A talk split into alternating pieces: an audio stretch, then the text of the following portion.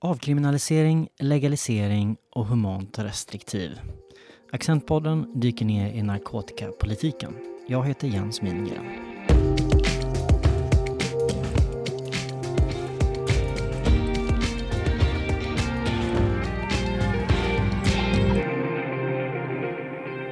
Narkotikapolitiskt center är ett nystartat initiativ som samlar många olika delar inom den svenska nykterhetsrörelsen.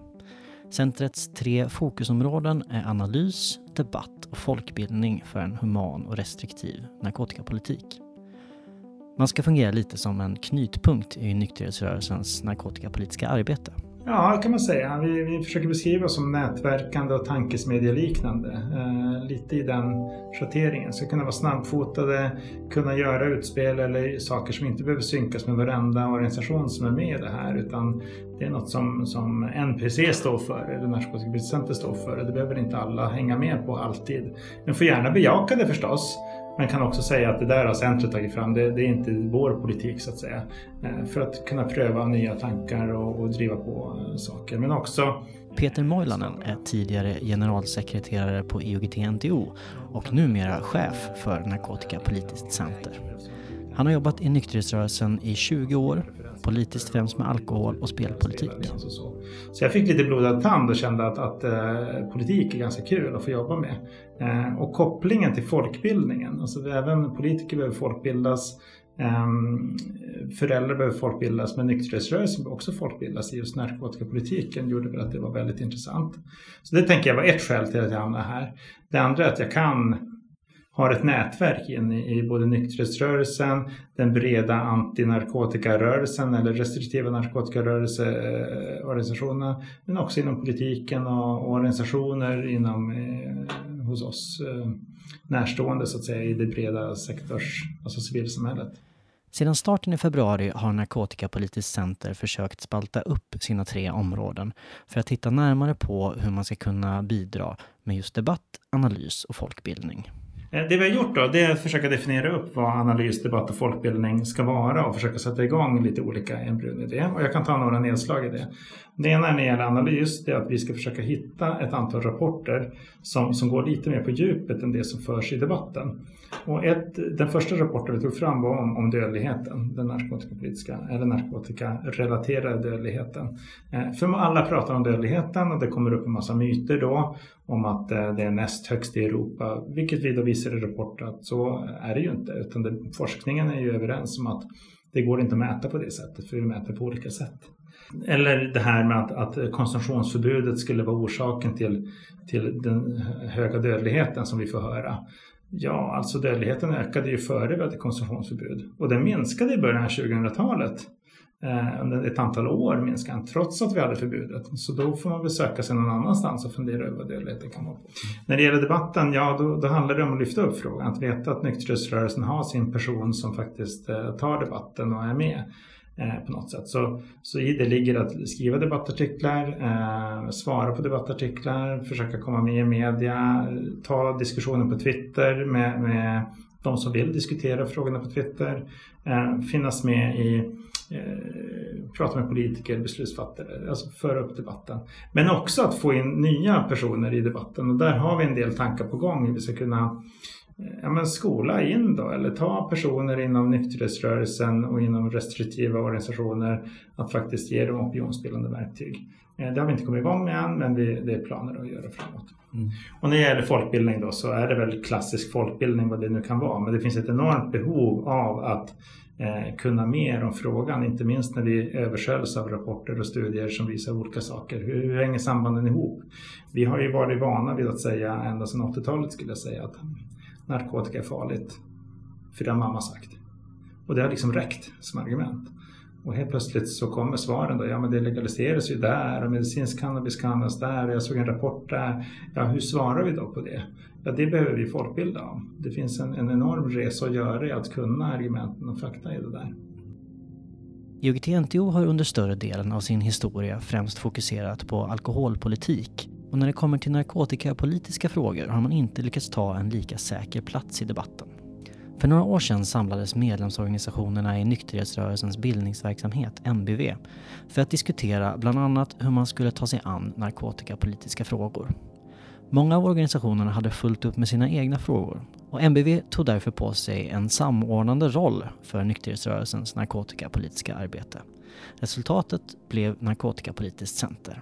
Och sen hoppas ju vi då eh, från NPC att, att det finns många medlemmar i de här olika NBVs medlemsorganisationer som vill göra lite mer. Att vi har ju våra organisationer, sa alla medlemsorganisationer i princip, några som vill jobba med narkotikafrågan men vi vet inte riktigt hur vi ska adressera det eller ta hand om det, ja men då ska de komma till centret och vi kan skola dem, eh, peppa dem, eh, folkbilda dem och föra ett sammanhang och tillsammans liksom kämpa i narkotikafrågorna.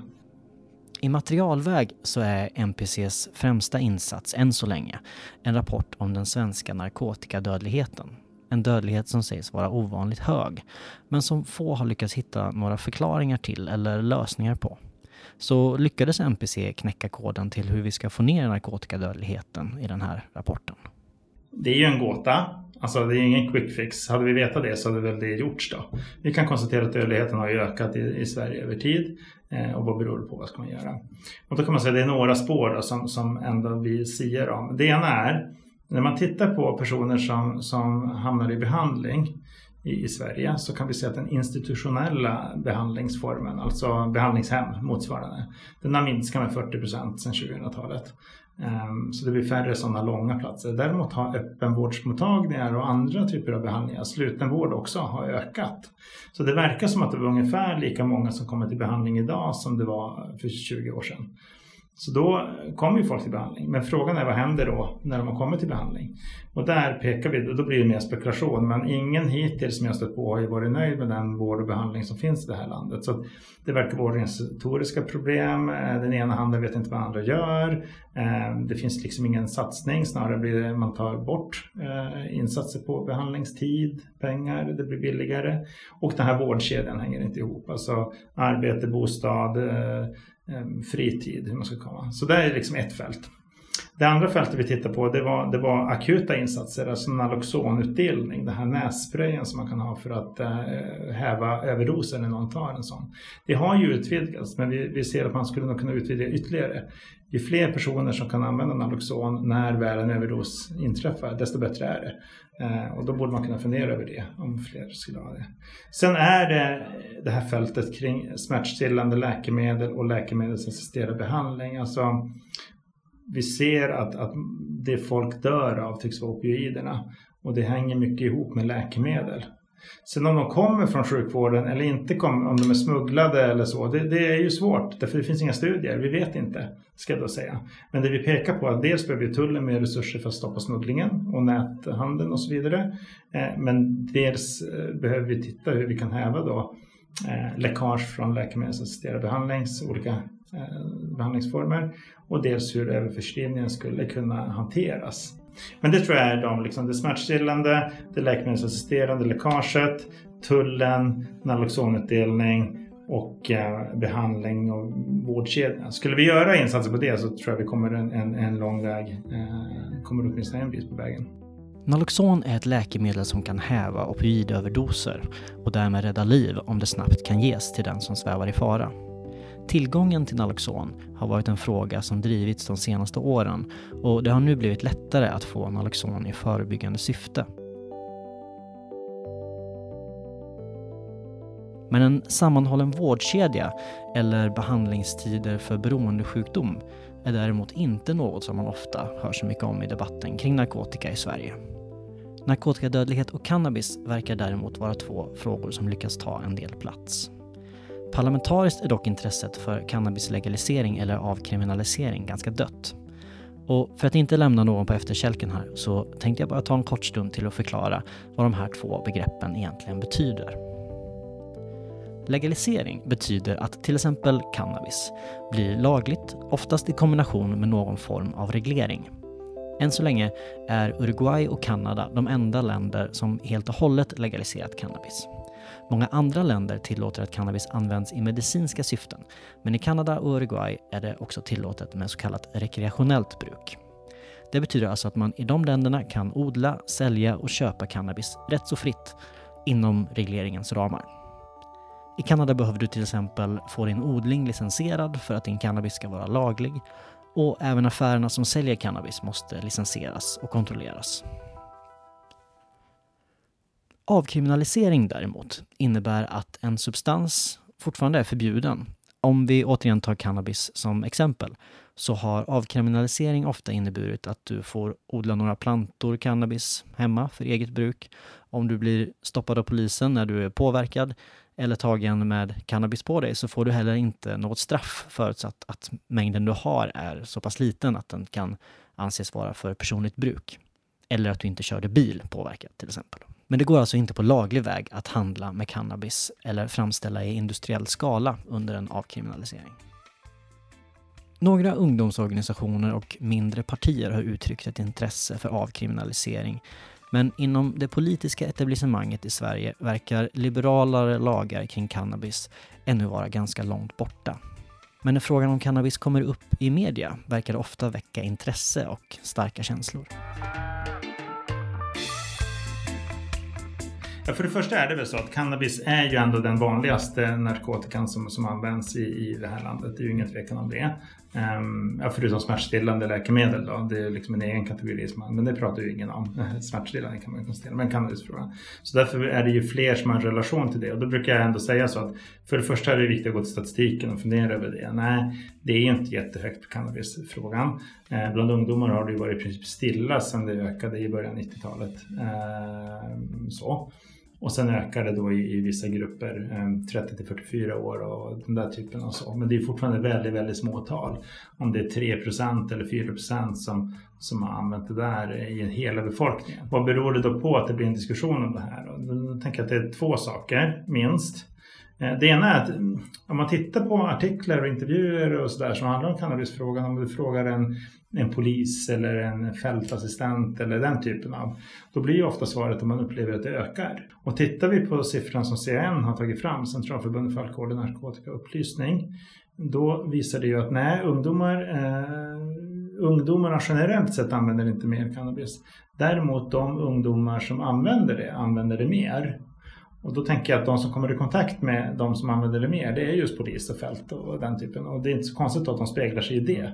Det finns tvärtom undersökningar som CAN eller vem det nu är som har gjort det där som visar på att attityderna, alltså man använder inte cannabis själv, men attityderna om någon kompis gör det eller så har liksom luckrats upp, att det är mer okej. Okay. Och då kommer vi in på nästa fält då, eh, där vi ändå har en känsla av det. Och, och då skulle jag säga att men cannabisnormaliseringen, vad det nu är då, eh, präglar väl vår, vår debatt. Dels förstärker polis och fält när de pratar om att det blir mer och mer. Eh, dels pratar ungdomar själva, har en attityd kring det. Eh, och sen handlar det om Netflix eh, förstås, eller den typen av att det i media framställs mer och mer på ett positivt sätt, eh, cannabisfrågorna. Och sen är det väl ändå ett faktum att, att det är klart att då kommer ju legaliseringsfrågan in. Att om man ser att ett antal eh, delstater i USA och länder till och med tar och legaliserar och det finns medicinsk cannabis som till och med är nyttigt och påstås det. Om det eh, kommer in så, så präglas helheten av det där. Cannabis har fått en avslappnad plats i amerikansk populärkultur och eh, det här blir en motvikt mot den knarkebajsmentalitet som präglat den svenska inställningen till narkotika. Även om cannabisanvändningen inte ökat nämnvärt bland yngre så har ungas inställning till cannabis blivit mer positiv under de senaste åren. Samtidigt är debatten kring narkotika i allmänhet och eh, cannabis i synnerhet väldigt polariserad mellan de som vill se en restriktiv politik och de som vill liberalisera svensk narkotikapolitik i en riktning mot legalisering eller avkriminalisering. Och ibland kan det kännas som att det finns en enorm klyfta utan någonting emellan dessa två läger. Jag skulle säga att i avkriminaliseringsdebatten så finns det ändå ett antal personer som, som är för avkriminalisering. Inte för att släppa det fritt eller för att det ska eh, komma ut utan man ser vissa bekymmer då. Alltså idén som jag kan tycka är sympatisk faktiskt. Det här att är det verkligen så att en person som är beroende av eh, narkotika behöver straffbeläggas. Eller, det är ju det det handlar om, att tar man bort, som avkriminalisera, då skulle man faktiskt inte göra något straffbart. Utan man skulle mycket enklare då, är tesen, eh, få vård och behandling. Så. Jag kan tycka att det finns något sympatiskt i det. Och då är man inte kanske legaliseringsförespråkare för det. Det finns ju ändå ett antal beslutsfattare eller forskare som, som pratar om det här och de skulle aldrig vilja gå legaliseringsvägen. Det stänger de dörren för. Ganska symptomatiskt att det här landet Portugal som alltid kommer upp i diskussionen som, som gjorde väldigt mycket insatser på vård och behandling och som avkriminaliserade i början av 2000-talet. De hade ju våras omröstning kring just legalisering eh, och valde att inte legalisera. För de vill inte sammanblandas med det, för då släpper man lös kommersiella krafter. Så det, går, det finns ju en gråzon här som, som, är, som kan vara antingen en språngbrygga för att i slutet legalisera och släppa allt fritt, eller faktiskt ett sätt att, att hantera frågan. Då. Och då kan jag kommentera det möjligen kring avkriminalisering i sig. Då, att jag har verkligen sökt med ljus och lykta kring positiva exempel av avkriminaliseringen. Eh, jag ställer ofta frågan, eh, vare sig i Twitter eller ute i samtal med människor, att finns det något land som har klarat sig med avkriminalisering, som har minskat konsumtionen, som har minskat lidandet och skadorna och dödligheten och missbruket eh, i ett? Och, ett svar kommer oftast är Portugal, så, för de har ju då avkriminaliserat och fått ner dödligheten. Och då vet ju vi utifrån den här dödlighetsrapporten vi gjorde att det hänger inte ihop med dödligheten, avkriminaliseringen. Ett annat land som avkriminaliserar ungefär samtidigt, det var Estland. Och Estland har ju bara höjt sin dödlighet och är ju över Sverige till och med om man nu skulle kunna mäta. Eh, så då är det inte dödlighetsfaktorn. Däremot har ju Portugal ökat sin konsumtion. Nu mäter de ju inte på det sättet, tror jag, i Portugal som vi tänker oss, att, att det finns eh, anhöriga som kan lida, närstående barn och så vidare och att, att det utvecklar vissa skador som förstås hänger ihop med om många använder det så. Så att Portugal-exemplet blir liksom inte klockrent. Det finns mycket att lära sig där, tror jag, mycket att ta så. Men finns det några andra? Det får, vi, det får jag inget svar på. Eh, däremot om man ska fundera över vad är vitsen med att avkriminalisera? Eller vad är vitsen med att kriminalisera? Ja, tesen är ju ändå att det leder till tidig upptäckt. Alltså det, det ska inte ha, alltså den som är beroende, som har gått på gatan, eh, funderar över saker eh, och vill ha hjälp, den ska ju få hjälp. Och det kommer inte vara någon som skriver ut en böteslapp på den personen. Och det kommer inte ens vara så att man skriver ut en böteslapp på en person som vi har testat flera gånger att, att få eh, behandling till exempel. Den ska motivera för det. Utan det är ju för att komma åt unga människor eller första gångs tester att snabbt kunna ha ett verktyg där man kan eh, få det. Men röster har höjts för att det svenska konsumtionsförbudet bör utvärderas. Bland annat kom det förslaget från statens kommuner och landsting i mars i år. Några undersökningar om ifall konsumtionsförbudet faktiskt leder till tidig upptäckt har inte gjorts på nästan 20 år. Då visade en undersökning från Brottsförebyggande rådet på ett positivt samband. Men det är svårt att veta om detsamma fortfarande skulle gälla idag. Polis och skola hittar ungefär 17 procent av personerna som kommer till cannabisbehandling. Så det är klart att de skulle kanske inte ha funnits om inte polisen hade kunnat gjort insatser i det. det by the way, där är det ungefär 10 procent som själv kommer till behandling. Annars är det familj, socialtjänst, eh, skola och så. Så man verkar inte själv ta sig dit. Man kan behöva en knuff för att komma in i, behandlingen. Då. Jag skulle säga att det finns embryon till att, att tidig upptäckt ändå, eh, det leder till tidig upptäckt.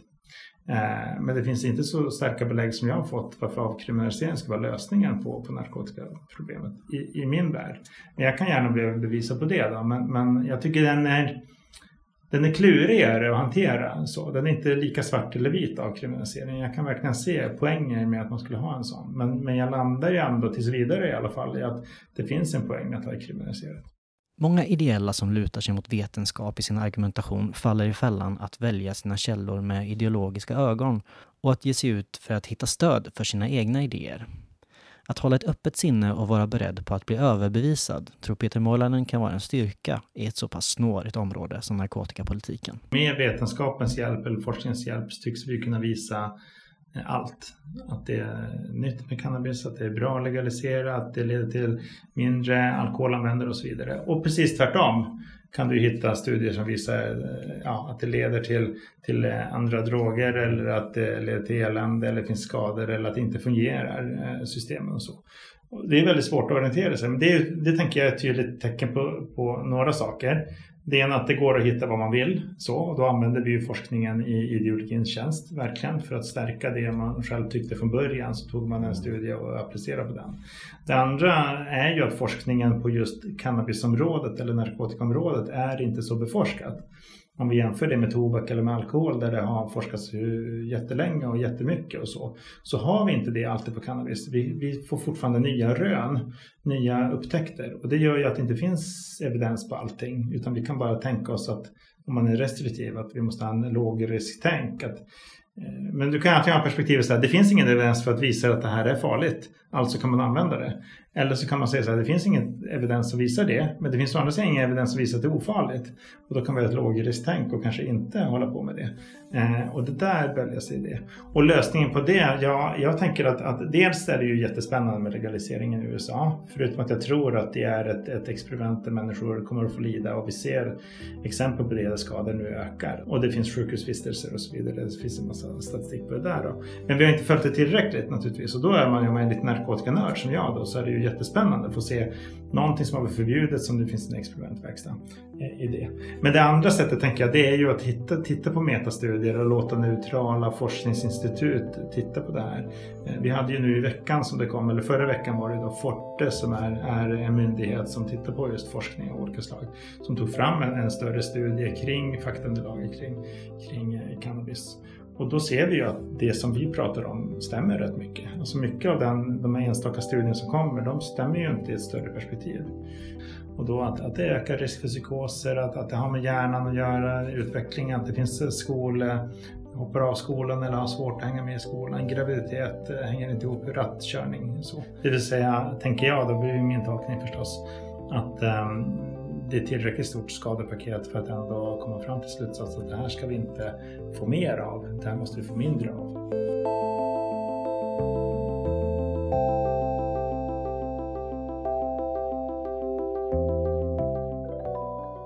För tre år sedan så intervjuade jag Per Andersson på UGT-NTO här i Accentpodden och pratade då om cannabis och hur debatten såg ut då.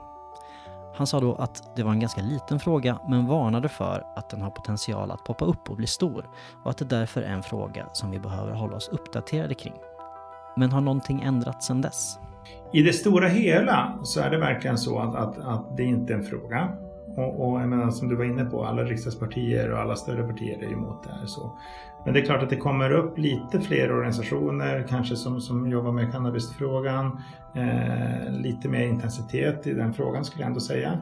Och det hänger ju ihop förstås med, med det som händer i USA och på andra ställen i världen där, det, där, där det närs, man kanske känner ändå en, en medvind i att det är fler och fler som, som avkriminaliserar, fler och fler som, som legaliserar. Det är fortfarande oerhört smått skulle jag säga. Att när det gäller legalisering och så avkriminalisering tycker jag ändå att det finns kanske lite fler forskare och fler debattörer som ändå argumenterar för det i, i någon ordning. Men annars har ju regeringen stängt dörren för avkriminalisering eh, väldigt tydligt i, i, nu i höstas. Och det är ju inget parti som har hakat på den. Eh, kan man ju säga. Jag vet att det var uppe motioner på Centerpartiets stämma kring legalisering av cannabis. Den avslogs ju unisont, liksom, eller väldigt stort. Så det är ingen större fråga just nu då. Men jag kan väl dela den uppfattningen att det, det är därför det gäller att jobba med den här frågan, att, att inte låta den släppa in. Det är klart om inte föräldrar kan argumentera för frågorna i slutändan och vi ser gängkriminalitet eller liksom kommer upp på dagordningen och och, och, och några kopplar ihop de här då så då gäller det att vi är på tårna. Att vi faktiskt eh, kan argumentera för, för frågorna och att vi gör insatser och fortsätter påverka på olika sätt och folkbilda oss. För annars kan det förstås eh, uppstå ett, ett tomrum där, där den enkla lösningen är på något sätt att, att ge upp.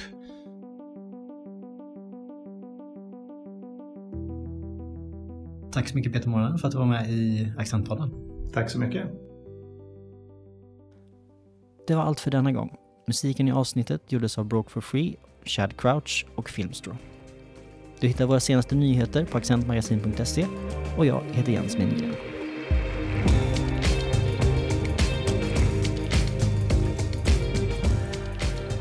Du har lyssnat på Accentpodden.